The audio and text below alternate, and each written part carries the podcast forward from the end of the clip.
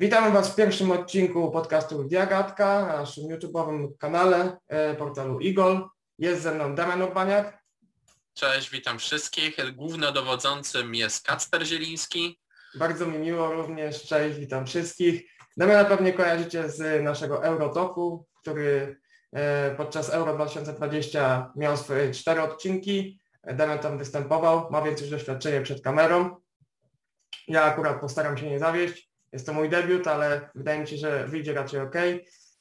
No i tak, e, zaczniemy może od tego, od dominacji samej Premier League na rynku transferowym, ponieważ to jest dość popularny ostatnio temat, wywołuje wiele kontrowersji. E, wielu kibiców innych lig mocno spiera się z tym tematem, mówi, że to jest dość niesprawiedliwe.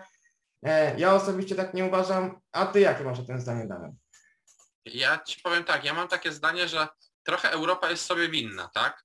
Bo jeżeli sobie spojrzysz na ligę angielską, no to u nas jest przynajmniej ta wielka szóstka, tak? Czyli mamy kilka klubów, które zawalczą o ten tytuł. Jeżeli sobie spojrzysz na ligę niemiecką, no to masz Bayern, powiedzmy pół metra przerwy, no i pojawia się na ten moment Leeds, Dortmund. Jedziesz do Włoch, miałeś potęgę Juventusu, teraz gdzieś doskoczył Inter, ale on został rozsprzedany, czyli prawdopodobnie znowu wrócimy do monolitu, gdzie będzie jeden klub. Jedziesz do Hiszpanii, no masz Atletico, które wygrało tytuł, ale głównie to jest rywalizacja Realu z Barceloną i ta liga przez to jest też nudna, nie przyciąga kibiców. Jeżeli masz naszą ligę, no to wiesz, że jest też sześć drużyn, która jest w stanie stoczyć równą walkę praktycznie o tytuł, tak?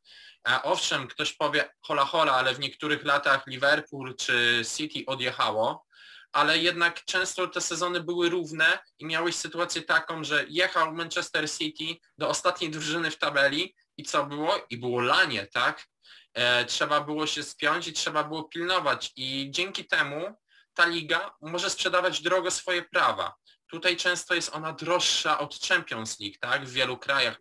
Zwłaszcza chyba z tego co wiem, taka sytuacja ma miejsce na rynku azjatyckim, gdzie ich za bardzo nasza Liga Mistrzów nie interesuje, ale Premier League, bo jest Manchester, e, bo jest drugi Manchester, bo jest Liverpool, e, to ich przyciąga. E, wystarczy przypomnieć sobie tłumy kibiców, które zwiedzają Tottenham, bo gra tam są, tak, przy przyjeżdżających kibiców z Azji. I tego też jest dowodem właśnie transfer Romelu Lukaku. On pokazuje, że pomimo pandemii kluby angielskie dalej stać na bardzo duże ilości wydawania pieniędzy. Dla nich wydać 100 milionów euro przed czy po pandemii, jak pokazują to obecne czasy, to jest dalej mniej więcej ten i sam poziom. Może trzeba troszeczkę bardziej to przemyśleć, ale jednak stać. Mamy też bogatych właścicieli i to jest chyba taka przewaga ligowa. Kacper, nie wiem jak ty się zgodzisz, bo ty jesteś kibicem Manchesteru United i chyba jesteście w trochę podobnej sytuacji, bo Jadon Sancho, no wy, wy, wyglądała to z nim sytuacja chyba podobnie, tak? Długo kuszony, a w końcu pandemia, grube pieniądze i się udało, zgadza się? Dokładnie, znaczy w ogóle te pieniądze były chudsze niż, y, niż wszyscy się spodziewali, tak? Ponieważ to i tak i tak była suma, y, y, której mało kto się spodziewał, tak? To była suma poziomu 85 milionów euro. Ja osobiście uważam, że to jest też trochę taki mm, takie lato dla kibiców Manchesteru United poniekąd przełamania transferowego, ponieważ rok temu nie wyglądało to tak kolorowo. Jednak ja miałem strasznie Mm, mieszane odczucia po tamtym oknie transferowym, z racji tego, że sprowadzono tylko Kawaniego z bardziej istotnych nazwisk Iwan Debeka. Te transfery nie świadczyły o sile, o sile zespołu, wręcz przeciwnie, one wyglądały jak, jakby, jakby tych zawodników sprowadził zespół, który chce walczyć o top 4, a nie o mistrzostwo, tak?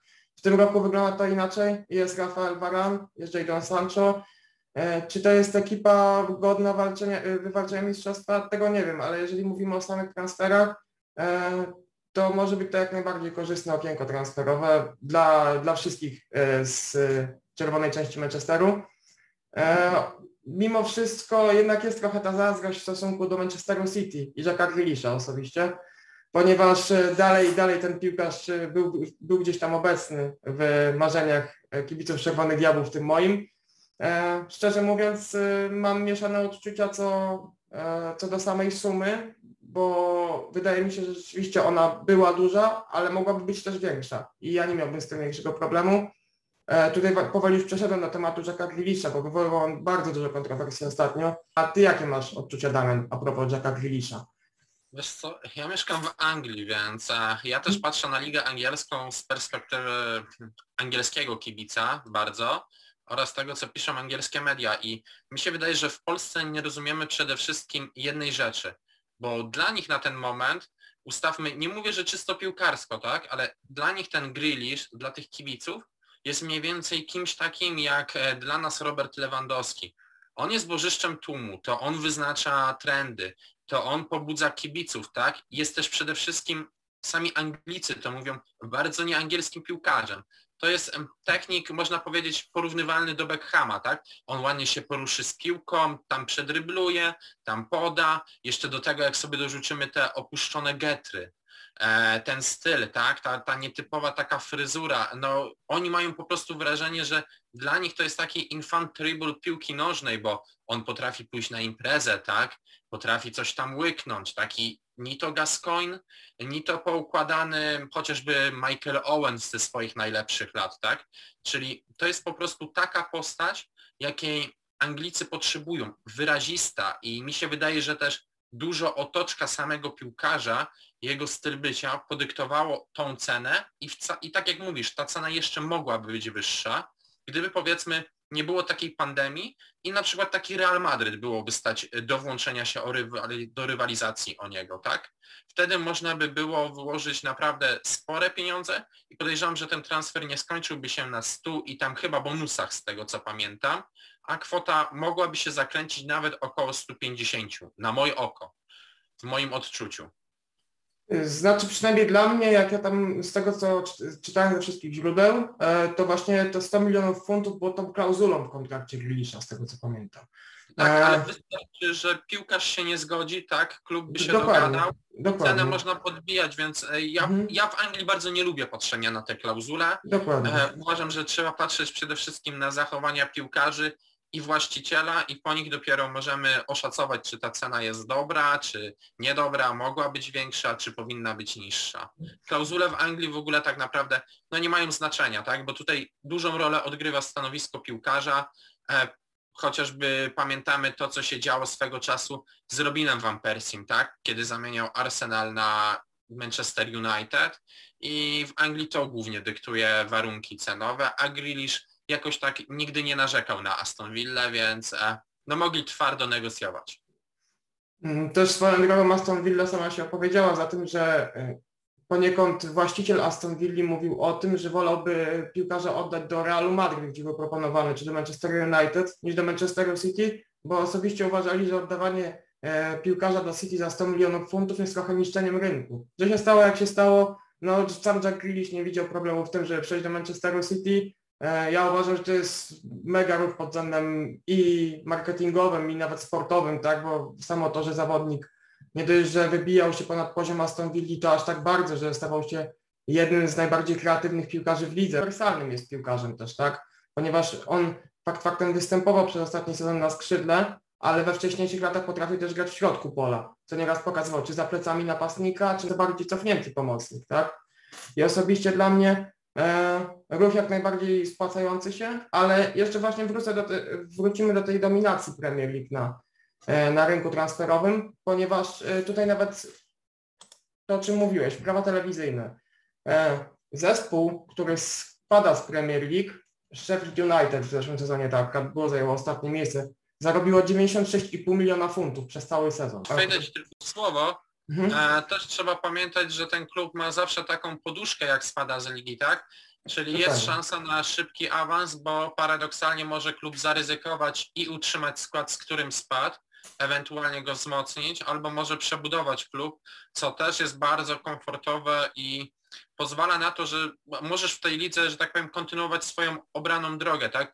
Nie wiem, możesz robić, jeżeli polegasz na nerwowych ruchach, to możesz je robić dalej, tak naprawdę nie masz za to konsekwencji, a w innych ligach często to się już kończy bardzo, bardzo źle, czego najlepszym przykładem w Polsce chociażby są łódzkie kluby, tak, które, no można powiedzieć, raz są wysoko, a raz no aż przykro patrzeć, tak?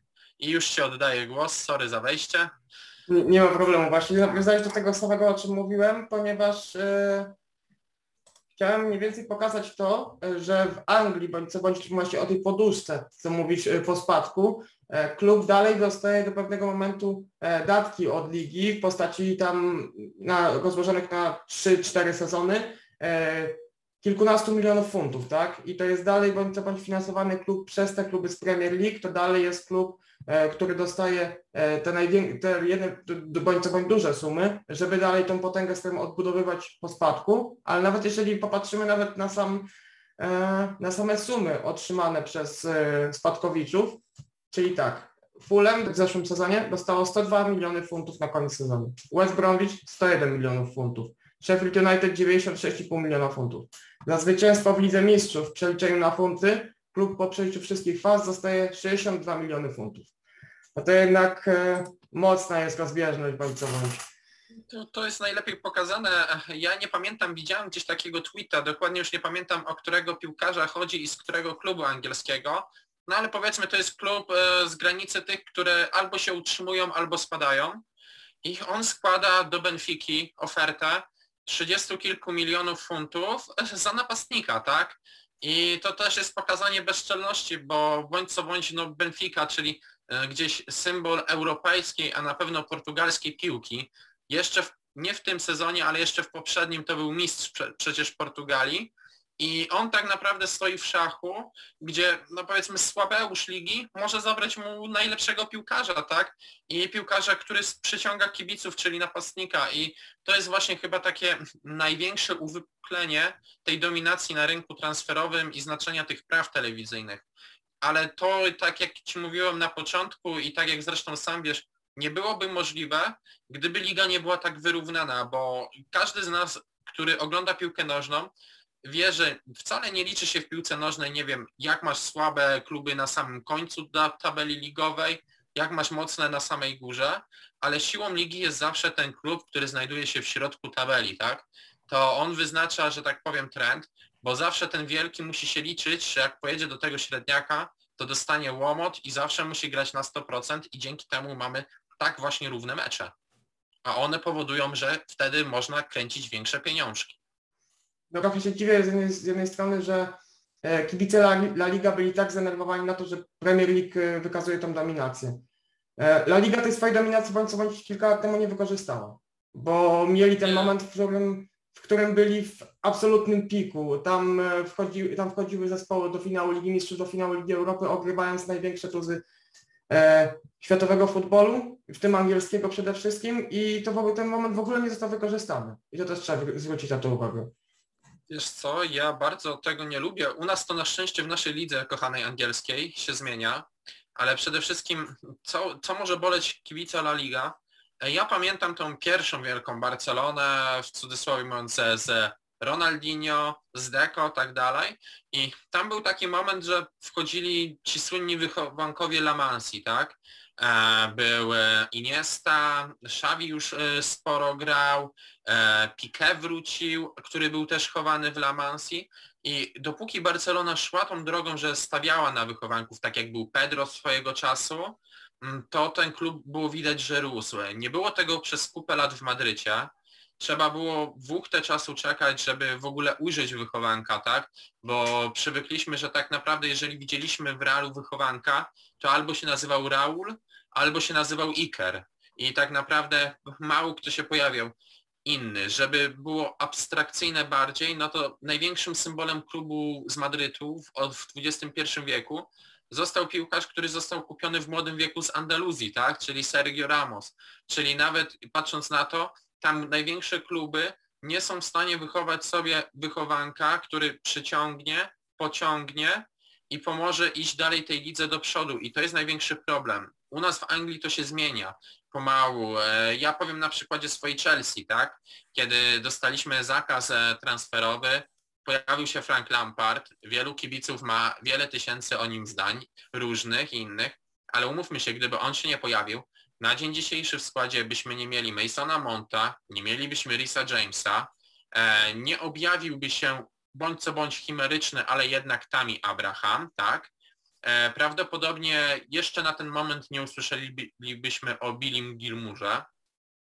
Prawdopodobnie gdyby nie Guardiola, e, nie użylibyśmy jeszcze Fodena w Manchesterze City i tych piłkarzy można tak mnożyć, e, tych młodych. I mi się wydaje, że to właśnie naj, najfajniej pokazuje, w jaką stronę zmierza Liga Angielska, że tutaj postawiono w końcu na te akademie i one nie są na zasadzie wychowamy, sprzedajemy do niższych, do słabszych, tylko my naprawdę chcemy postawić na tych wychowanków, bo nasi kibice, jeżeli będą mieć się z czym identyfikować, to chętnie też przyjdą na trybuny. No i sam mówisz, tak, e, przykład Aston Villa, e, Grealish, e, jaki był hype na, na klub z Aston Villa i w lokalnej społeczności, tak? Tutaj były zawsze praktycznie dla niego był w stanie przyjść, do, dopóki ta pandemia się nie rozstrzelała, pełne trybuny. I, I to też jest największym znaczeniem tej właśnie potęgi Premier League na ten moment, właśnie stawianie na tych wychowanków. Też swoją drogą na przykładzie Chelsea to widzimy, że nawet jeżeli ten wychowanek się do końca nie przebije, to potem może łatwo zmienić klub i to za dość spore pieniądze, tak jak chociażby Fika Tomori, czy możliwe, że tam i Abraham, tak? Dokładnie, no tam i ponoć już e, obierze kierunek włoski, jest jeszcze rozbieżność, ale no na ten moment ja mówię, że na 99% to będzie Roma i wydaje mi się, że to będzie dobry klub do niego, ale to tak dygresyjnie. Dokładnie i w ogóle inne spojrzenie, bo jednak bądź co bądź, gdy e, hiszpański młody zawodnik zmienia klub, mamy na przykład Briana Hilla za 25 milionów euro, on musi być mega objawieniem, żeby za taką kwotę ten klub zmienić. W przypadku Anglików trochę to jest inaczej mimo wszystko. Tu w Anglii można odnieść takie wrażenie, że ta kwota powiedzmy za młodego piłkarza te do 20 milionów funtów, ja już nawet tak mówię, to, to jest moje odczucie, to jest na takiej zasadzie, że praktycznie jest w stanie wyłożyć każdy większy klub i to jest na zasadzie inwestycji, tak? Oni go ściągają, są w stanie przez te 2-3 lata, nie wiem, pomału go wprowadzać, e, nawet dać mu miejsce w drużynie, patrzeć co będzie, no i po prostu albo on się spienięży, albo się nie spienięży i idziemy dalej, tak? E, takim przykładem swego czasu modelowym był Arsenal, który kupywał no, młodzików od Barcelony zwłaszcza, Cesc Fabregas i tak dalej, za pieniądze, no umówmy się, słabe, cienkie, mizerne, a lepił z nich świetnych piłkarzy i ta droga też dalej jest gdzieś kontynuowana, tylko w Anglii za to się biorą te mniejsze kluby, tak? E, wydaje mi się, że takim przykładem, który za kilka lat jeszcze będzie bardziej utwierdzonym, to będzie tegoroczny Beniaminek, czyli zespół z Benford, który już chociażby wystarczy podać nomen omen, musimy wrócić do tej Aston Villa, tak?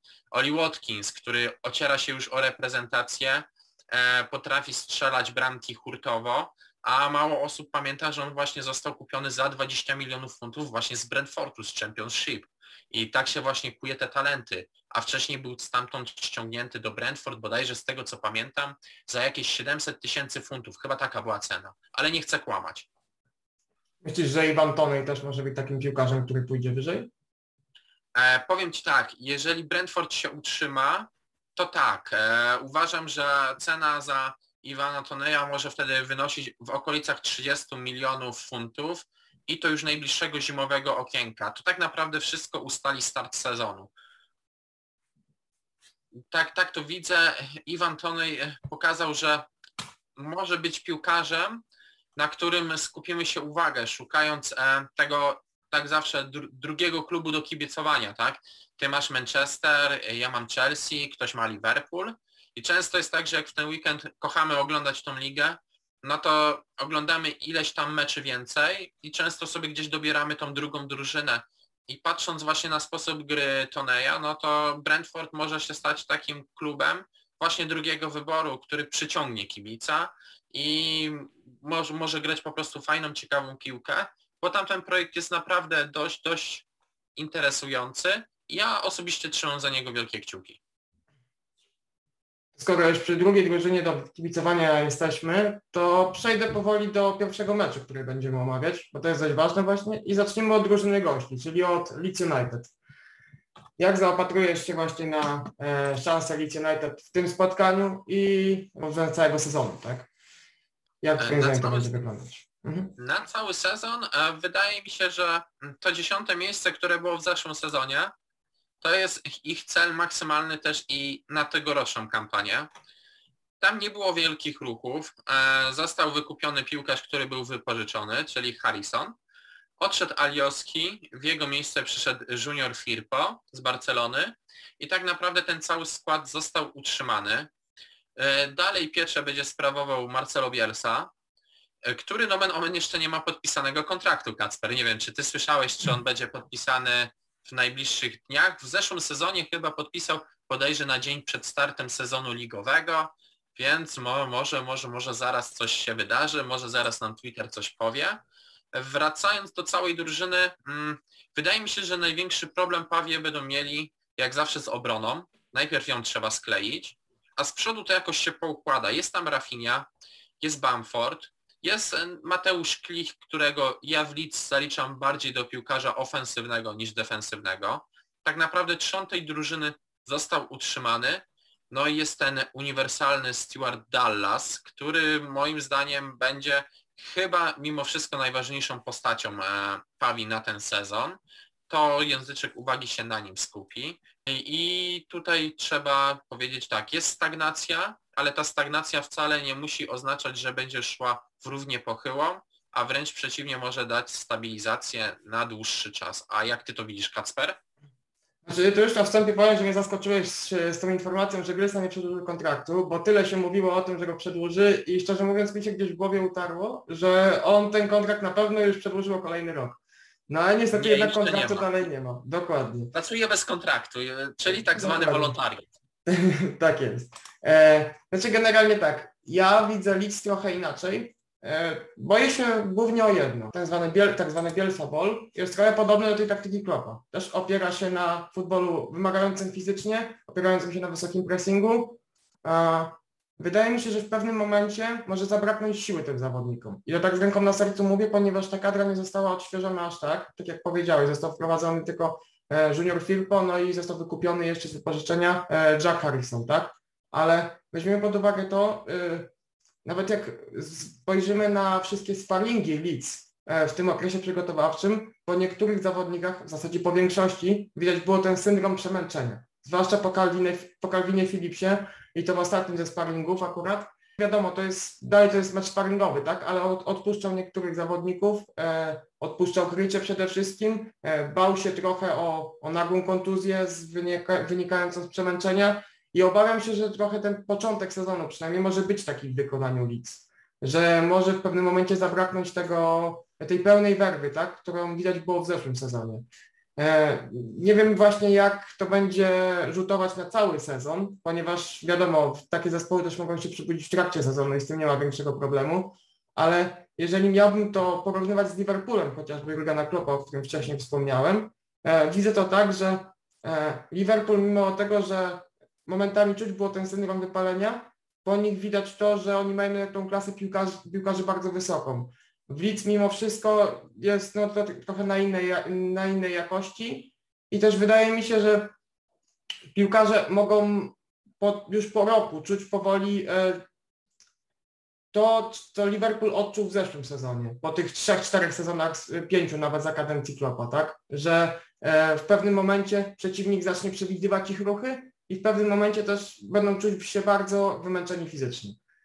No tutaj zgodzę się z Tobą, że gdzieś na pewno lampka może się zapalić pod tytułem treningi Marcelo Bielsy, Dokładnie. tylko nie wiem, czy, czy, czy, czy tutaj należy się aż tak obawiać, bo z reguły, jeżeli te kryzysy dopadały drużyny Bielsy, to się to działo na wiosnę, tak? E, Te jesienie, czy nawet czasy, kiedy Bielsa prowadził reprezentację chociażby Chile, to zawsze pokazywało jedno. Ciężkie treningi przed turniejem na początku sezonu, te nogi w ogóle nie, nie, no, nie noszą i tutaj się z Tobą zgadzam, ale im więcej oni spotkań zagrają, czyli podejrzewam, że to jest kwestia dwóch, trzech kolejek, tym oni będą łapali świeżość. Ponadto ja gdzieś tak nie obawiam się o nich, no bo nie wierzę, że piłkarze klasy Bamforda, klasy Raffini, klasy Dallasa e, pozwolą tej drużynie znaleźć się na miejscu 15 i niżej. Wydaje mi się, że to jest już taki, mm, taka renoma w lidze, taki materiał, że ich po prostu stać, e, tak jak Shona Dajsza na utrzymanie Barnley zawsze, tak e, ich stać na to miejsce, że po, poniżej tego 12, no, no, no nie ma szansy, żeby oni się znaleźli, tak? Chociaż no, w samym meczu z Manchesterem United e, raczej jestem skłonny do tego, że jeżeli strzelą tam bramkę, to będzie sukces, ale na punkty bym nie liczył. O. Też trochę swoją drogą sporą zagwozdką jest same ułożenie jedenastki Leeds w tym sezonie, ponieważ w środku pola, tak jak można zauważyć, e, mamy Philipsa, Klika i Dallasa, na skrzydłach mamy Harrisona i Rafinnie, gdzieś jest, jest Helder Koszta, tak? No i jest właśnie na ataku Bamford. Tylko, że tak, e, podczas okresu przygotowawczego Bielsa stawiał na Rodrigo za plecami Bamforda i pytanie, jak to będzie wyglądać po prostu, bo jestem ciekaw, e, na co Bielsa postawi. Ja jednak osobiście trzymam kciuki za Leeds, bo mimo, że to jest wielki rywal Manchester United, to naprawdę tę drużynę da się polubić pod względem tego, jak grała, bo tak naprawdę każdy, każdy średniak, każdy klub, który awansuje do Premier League, chciałby grać tak jak Leeds. Tak ofensywnie, tak, tak. tak zdecydowanie, tak agresywnie. Mało który klub, który menadżer by się zadecydował na, y, zdecydował na to, żeby wystawić y, klub w takim ustawieniu, jak to zrobił w pierwszym meczu zeszłego sezonu z Liverpoolem Marcelo Bielsa. Dlatego też Bielsa jest fenomenalnym trenerem. E, W Leeds w samym mieście to wiedzą, przecież tam są murale, tak? Można powiedzieć, że Leeds stało się miastem kościołem Marcelo Bielsy, gdzie on jest najważniejszym obywatelem tego miasta, wszystko się kręci wokół niego. To jest człowiek instytucja, wystarczy wspomnieć, jak podczas euro obiegła informacja, jak on wcale nie pojechał na wakacje, tylko wziął dzieciaków z podwórek i uczył ich piłki, tak? I, i, I to też pokazuje status i wielkość tego trenera. Ja bym tutaj zwrócił uwagę właśnie na tego Rodrigo. E, Ja uważam, że on będzie grał za plecami Bamforta częściej, ale jednak e, będziemy się też skłaniać ku wariantowi, że wcale się nie zdziwię, jak będzie taki moment sezonu, że to Dallas wyląduje na dziesiątce. Tutaj Rodrigo będzie rotowany z Bamfortem, bo Bamford miał w zeszłym sezonie, jeżeli po kimś było widać, że odczuwa już zmęczenie futbolem Bielsy, to był to właśnie Patrick Bamford. E, Czasami były takie mecze, że nie widzieliśmy go w ogóle na boisku, tak? Zaczynał się mecz, widzieliśmy listę startową piłkarzy i go nie było. A przyszedł już następny mecz, już był widoczny, czyli łapał takie wahania formy i wydaje mi się po prostu, że Bielsa chce mieć przygotowany jeszcze jeden wariant na zasadzie takiej, że on wie, że już wszyscy znają jego futbol, wszyscy wiedzą, co będzie chciał grać Leeds, więc czymś będzie trzeba zaskoczyć przeciwnika i prawdopodobnie ten Rodrigo za plecami to może być ten pomysł na zaskoczenie. Bo wyobraźmy sobie tylko prostą sytuację, tak? Mateusz Klich czy y, Dallas są w stanie posłać bardzo dobrą piłkę za plecy, tak? E, Wszyscy to widzieliśmy chociażby w zeszłym sezonie i ta piłka leci sobie teraz na Bamforta, on ją zgrywa, a Rodrigo to jest szybkość. On ją tylko przejmuje i pyk, i akcja wykończona i mo może to być ten po prostu element zaskoczenia, który chce mieć Bielsa w razie czego w talii swojej na mecz, powiedzmy może nie z Manchesterem, nie z Manchesterem City, nie z Tottenhamem, ale powiedzmy z takim Brightonem, tak? Gdzie będzie trzeba zagrać twardo, zgrać piłkę, szybko i uciekać. I, i, i to może być po prostu ten pomysł. Też pozycja Rodrigo sama dodaje więcej świeżości Leeds, tak? Bo wtedy już mamy trzech zawodników, którzy są na naprawdę pełnej szybkości, wchodzą w pole karne przeciwnika i tak naprawdę Bamford może otrzymać podanie z każdej strony właśnie. E, Może zostać akcja rozegrana, tak jak powiedziałeś, że odegranie do Rodrigo, tak? Ale też nawet samo to, że jest Rodrigo i po skrzydłach jest Harrison z Rafinhą, tak? Naprawdę to, to może być momentami zabójcze, tak? Dla przeciwnika. Chociaż mam nadzieję, że nie znajdą sposobu Manchester United, który, do którego teraz przejdziemy. Kasper, to ja od razu, zanim przejdziemy do tego Manchesteru, to Mhm. tak, żeby wyjść z naszego szablonu, który mamy gdzieś dla Was e, słuchacze ułożeni, to pytanie, kto będzie numerem jeden w bramce?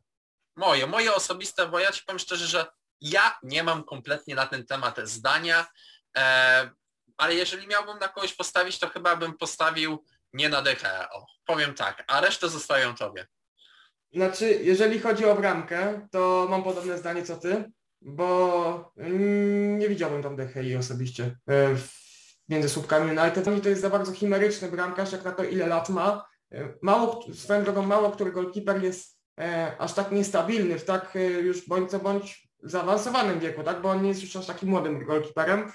Ja mimo wszystko kierowałbym się bardziej w stronę Hendersona, dlatego że po Hendersonie może on nie ma czegoś takiego jak Dechawa momentami, e, że potrafi zrobić coś niesamowitego w bramce, ale dla mnie Henderson jest e, oznaką stabilności. I z czasem może nabrać czegoś takiego, tej specjalności, e, tego czegoś, co w najlepszych, najlepszych latach swojej kariery miał Dawid Decha, że potrafi obronić klub z najgorszej możliwej sytuacji. Ja osobiście nie mam sentymentu aż takiego do Dechei, zwłaszcza po tej sytuacji z Paxem w 2015 roku, E, I nie uważam, że powinien za zasługi bronić w Manchesterze i nie miałbym sentymentów w stosunku do tego, żeby spieniężyć teraz tego bramkarza. E, może to być nawet ostatni dzwonek, żeby go spieniężyć za jakąś e, konkretną kwotę typu 20-30 milionów euro, tak? Czyli pamiętajcie, nasi słuchacze, nie kupujemy The Hey w Fantazy Premier wybieramy Hendersona, tutaj już mamy rekomendacje, oczywiście zobaczymy, czy Kacper miał rację i jedziemy dalej. Tak swoją drogą właśnie. Manchester chciał teraz zakupić środkowego pomocnika. Y, było, była mowa o Tolizo, była mowa o Kamawindze. Mm, tematy na razie umarły, nic się nie rozwija w tej sprawie. Jednak jest jed, jeden problem, ponieważ United posiada e, tak, duż, tak dużą liczbę zawodników w środku pola i ogólnie tak szeroką kadrę, która nie jest potencjalnie w ogóle jakkol, jakkolwiek wyważona. W City widzimy to, że mamy dwie jedenastki, które tak naprawdę mogą ze sobą śmiało konkurować. W United czegoś takiego nie ma. W United jest silna jedenastka i jest reszta kadry.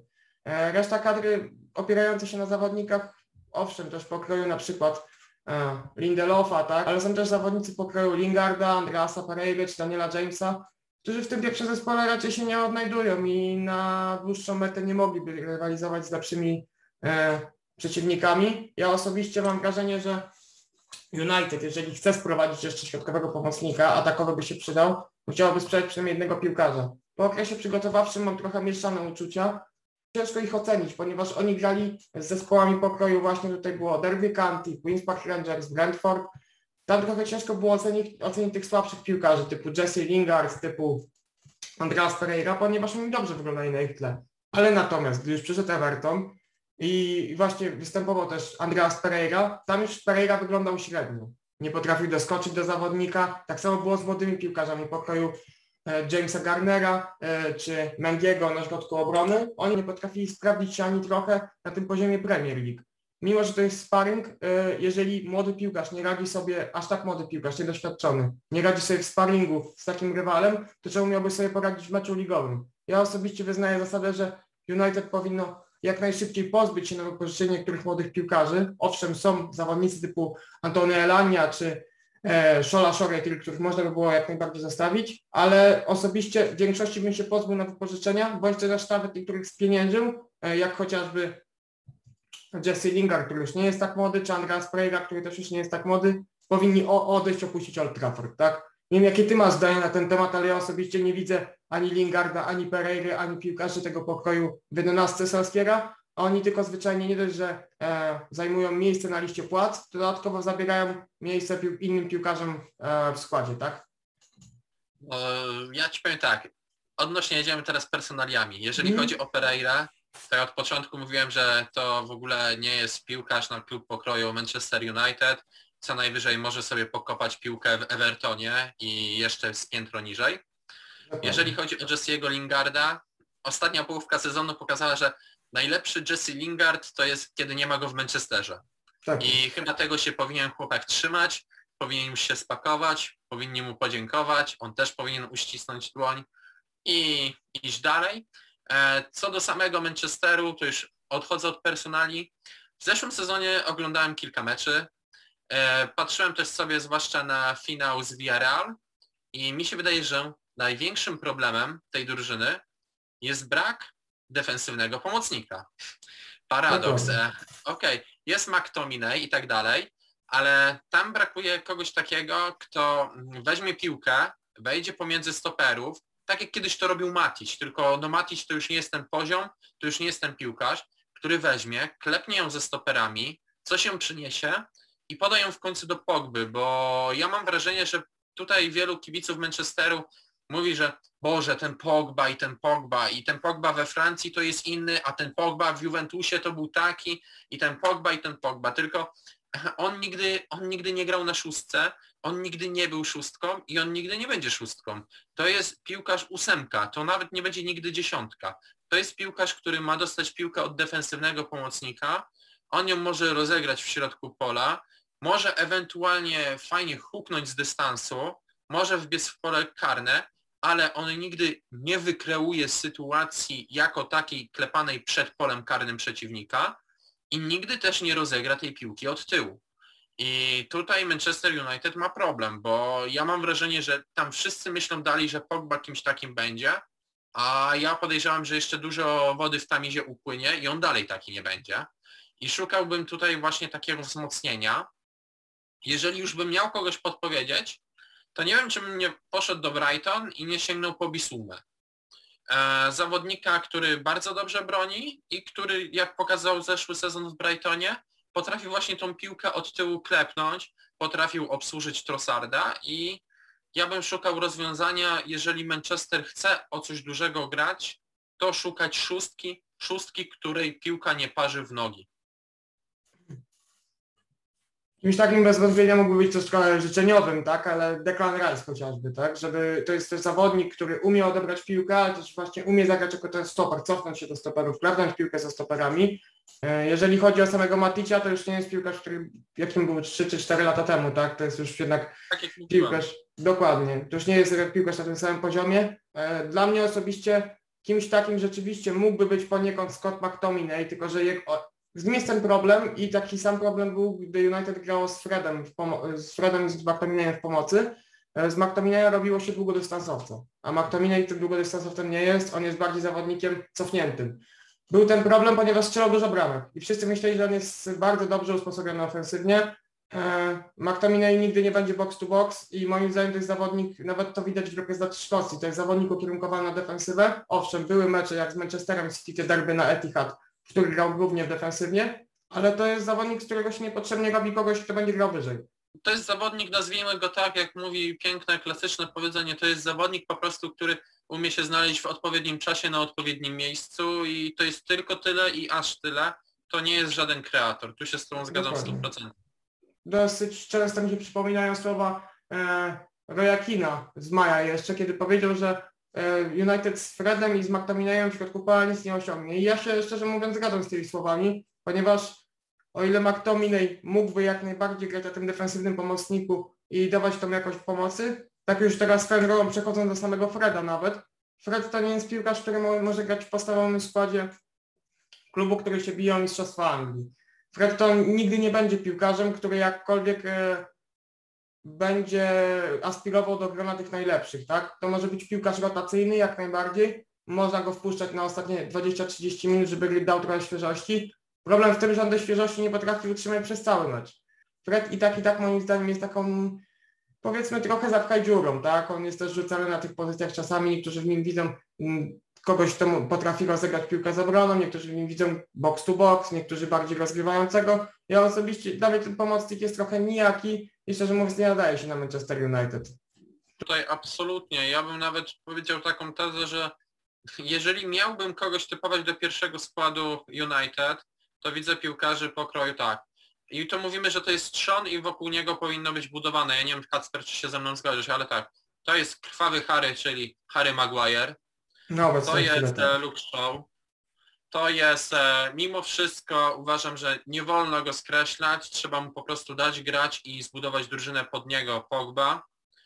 To jest e, Cavani, który wnosi mental do drużyny i to jest Rashford. I wokół tych piłkarzy powinna być budowana cała jedenastka reszty dobranych zawodników w Manchesterze United. Teraz pewnie, pewnie w pewnym momencie dojdzie też Varan, tak, ale e, ta, ta piątka, którą wymieniłem, w moim mniemaniu to jest ten kręgosłup, to jest ten szkielet i po prostu teraz do niego trzeba no, do, dokoptować następnych piłkarzy. E, może jeszcze czasami trzeba sprawdzić kogoś innego. Ja na ten moment widzę jeszcze w tym gronie Bruno Fernandesza, chociaż e, końcówka zeszłego sezonu pokazała mi, że on już też gdzieś został przytłumiony, gdzieś troszeczkę rywale go się nauczyli. On już taki nie był skuteczny i taki efektowny, efektywny. jak był, więc e, no na pewno ta, tak jak mówiłem, kreatywna szóstka, kreatywna, podkreślam to, dużo by wniosła i jeżeli ja ode mnie by zależało, to bym dzwonił do Brighton i pytał się, słuchajcie, czy te 40 milionów, 50 jak za tego Bisumę rzucimy, to go puścicie. Jeżeli tak, to my go bierzemy.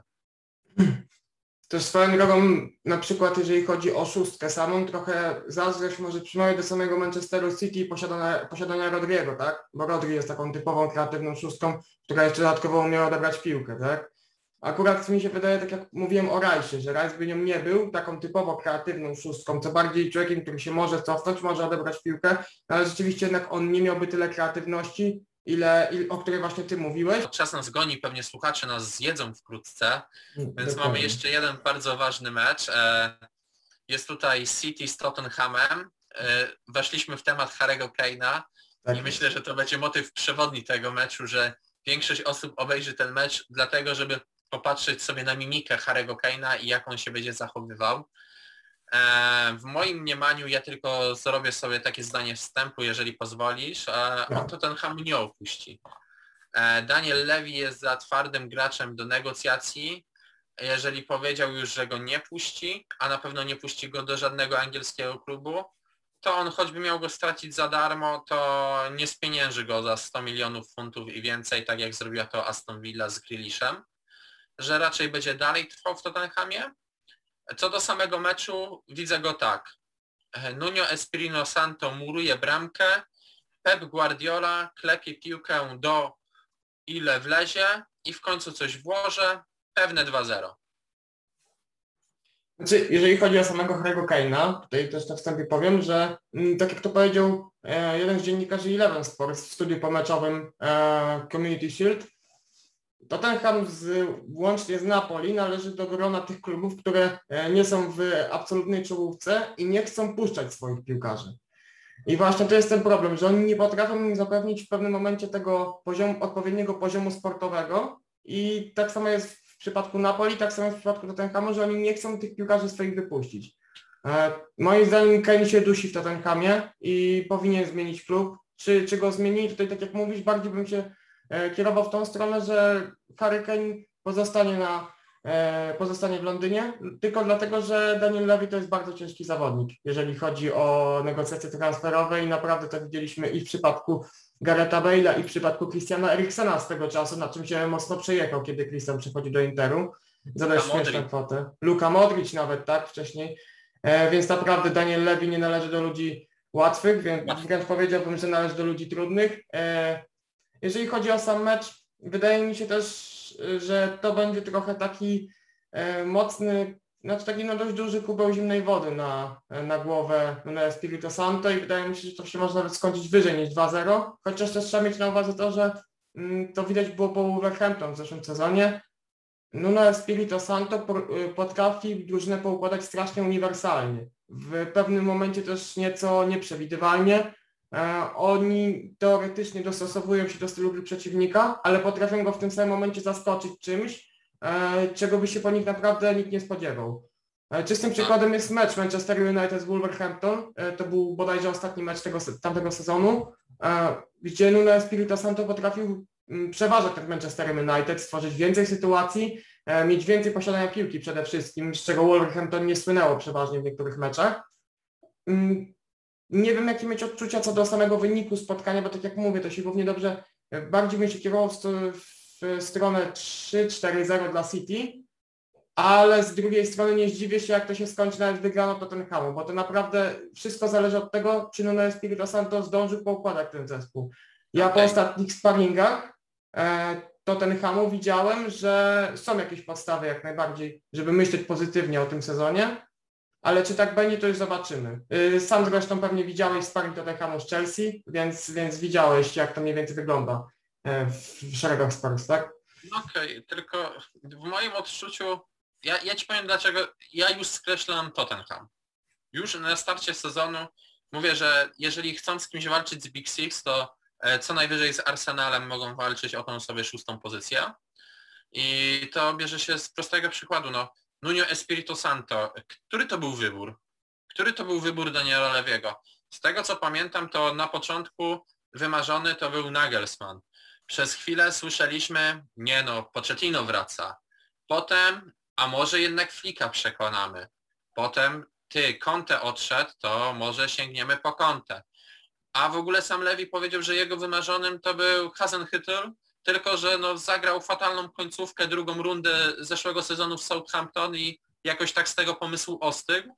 Czyli Nuno Espiritu Santo przy dobrym założeniu to był wybór numer 6-7 przy, przy, przy bardzo, że tak powiem, jasnym świetle, tak? Bo dla mnie to był chyba nawet wybór poniżej 10 miejsca na liście właściciela i prezesa klubu. Także ja już na starcie mówię tak, jeżeli bierzesz sobie trenera, którego nie miałeś, nie wiem, w swojej krótkiej liście, tak, na jakimś miejscu pierwszym, drugim, trzecim, to znaczy, że ty za bardzo w niego nie wierzysz. Jeżeli ty w niego nie wierzysz, no to przekonaj piłkarzy. W moim mniemaniu wystarczy jedna wysoka porażka właśnie na starcie sezonu i oni już będą leżeć, dogorywać. Owszem, pojawi się, zwlot, y, pojawi się jakiś regres formy, jakiś progres, ale ich nie będzie stać y, na nic dobrego, nie wiem, na miejsce piąte i wyżej w lidze, tylko co najwyżej na szóste. Takie jest moje odczucie.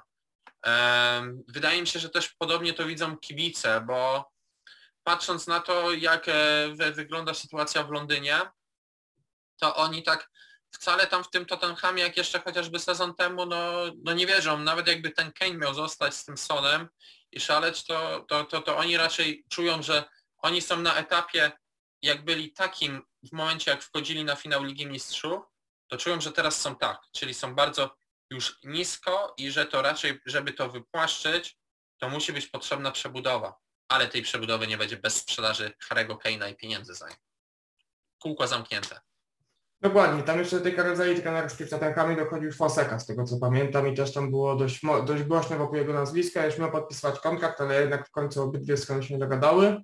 Mm, ja osobiście mam podobne zdanie na temat Tottenhamu i jego miejsca w tabeli, tylko że ja ich widzę jeszcze ciutkę niżej, ponieważ e, mimo wszystko uważam, że jeżeli Espirito Santo do, dogra ten sezon do końca, mm, to może być takim zespołem, który będzie utrudniał życie tym najlepszym, typu Manchester United, Manchester City, Liverpool, Chelsea, e, ale też nie będzie mógł nawiązać z nimi walki ze względu na e, przegrane z y, ekipami pokroju E, Leicester City, Everton czy Aston Villa chociażby, która się bardzo wzmocniła po e, utracie Jacka Grealisha. Osobiście mi się wydaje, że ja widzę Tottenham poniżej tego szóstego miejsca, mniej więcej siódme, ósme. Jak się skończy, zobaczymy. A jeżeli chodzi o mm, same wejście do tego sezonu, wydaje mi się, że to się skończy albo łomotem od City, albo ewentualnie już remisem, bo jednak z tym wygraną to ten hamu trochę przesadziłem, bo naprawdę musiałyby się tam dziać niezłe cuda na to ten Stadium, żeby tak, żeby, żeby trochę, żeby tam się w ogóle stało coś na korzyść na ten hamu, no, chociaż remis tak byłby uznawany prawie jak zwycięstwo, tak? To może powoli przejdziemy do Manchesteru City. Tak, właśnie chciałem się z Tobą bawić dalej. E, mm. Prosiłem Cię o typ bramkarza wcześniej United. To teraz no pytanie chyba, na które nikt nie zna odpowiedzi. Się naprowadzam. Kto będzie dziewiątką Manchesteru City i dlaczego to będzie Kevin De Bruyne?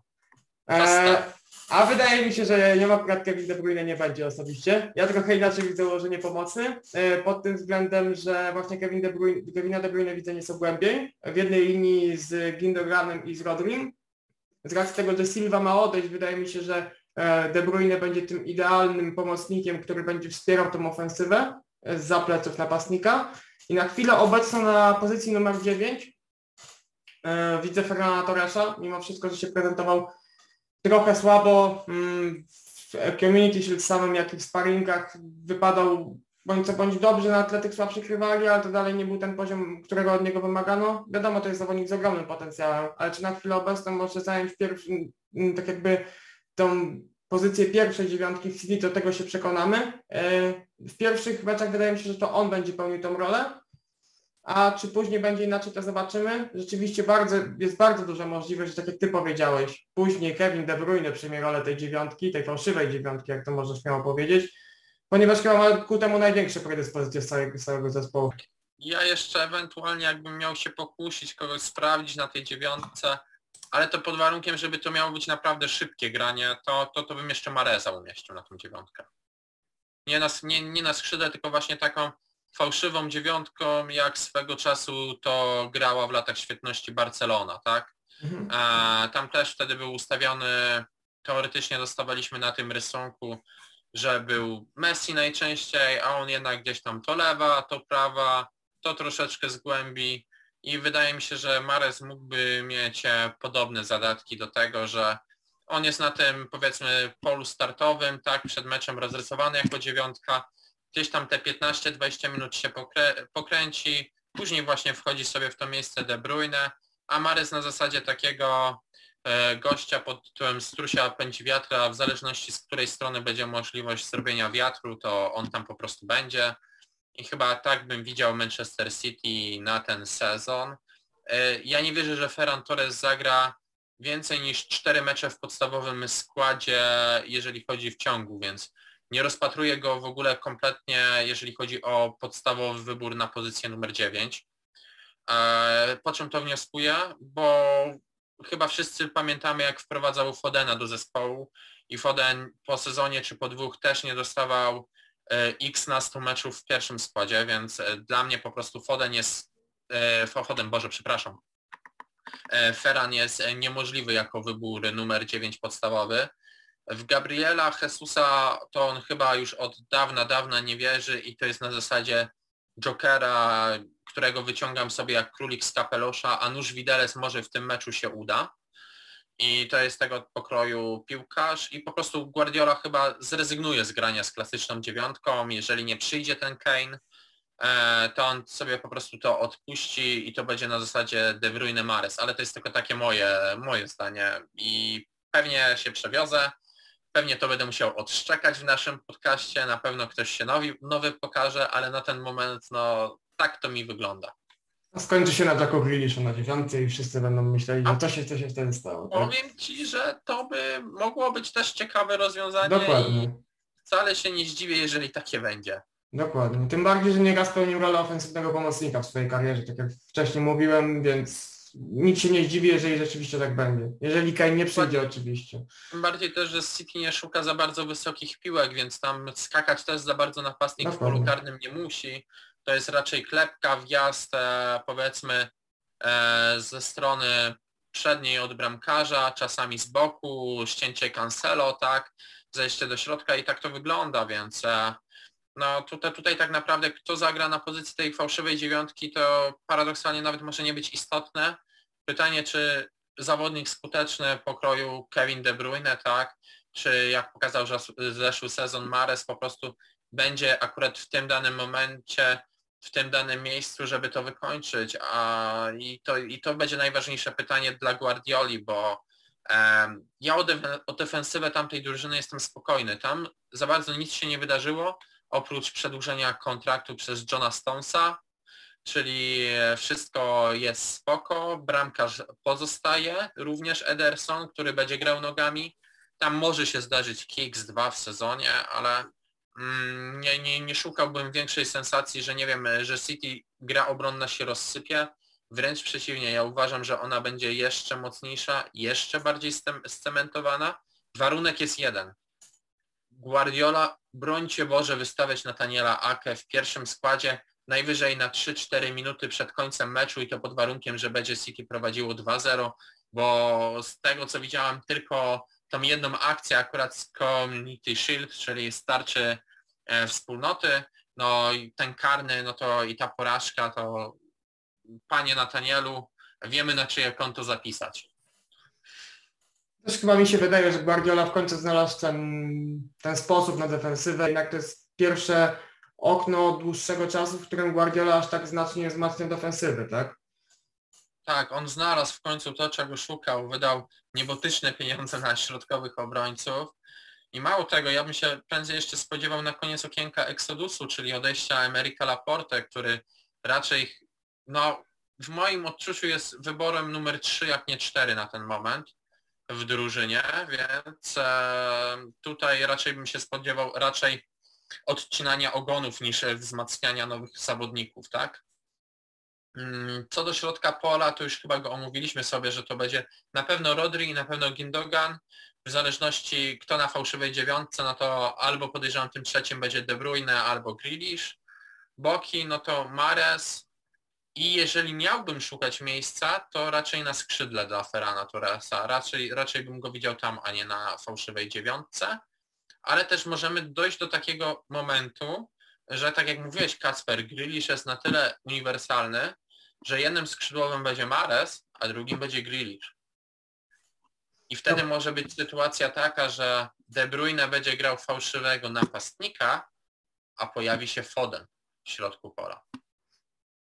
Dokładnie, czyli właśnie to, to co City stosowało głównie w zeszłym sezonie, tak? Tylko właśnie nie wiem, czy Guardiola trochę nie chciał zaskoczyć wszystkich rywali kupnem Harry'ego Kane'a e, i powiedzmy tym z, tą zmianą tej taktyki, tak? Bez tej fałszywej dziewiątki, tylko jednak wprowadzeniem tak. tego głównego napastnika. No tak, bo patrząc na całą karierę chyba e, Guardioli, no to ujrzymy, że jeżeli u niego grali jacyś napastnicy, no to byli to dwaj, Robert Lewandowski i Kun Aguero. Żadnego nie ma w drużynie, e, więc no sprowadzenie Keina być może byłoby tym numerem trzecim, z którego on by korzystał, bo ten trener raczej nigdy nie ukrywał. Jemu napastnik nie jest potrzebny. Jemu jest Dokładnie. potrzebna szybkość, uniwersalność, zmiana pozycji. On na tym bazuje i tak hoł- hołduje zawsze swój futbol i on jest temu wierny, tak? W większości, w 100% jest temu wierny.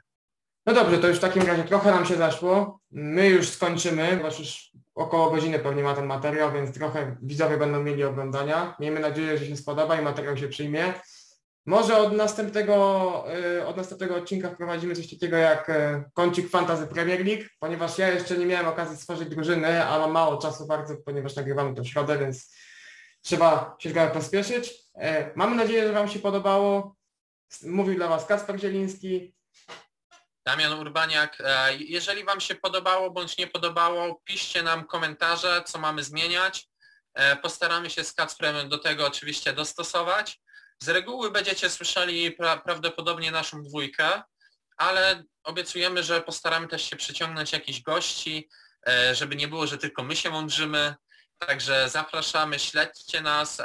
Podcast myślę, że Kacper chyba ukaże nam się jeszcze w piątek przed pierwszym meczem z Brentford z Arsenalem. Damy radę? Takie są plany jak najbardziej. No a jeżeli nie, no to ewentualne małe opóźnienie w sobotę do kawy porannej i jedziemy z tematem. Dokładnie. Dobra, Dobrze. to trzymajcie się.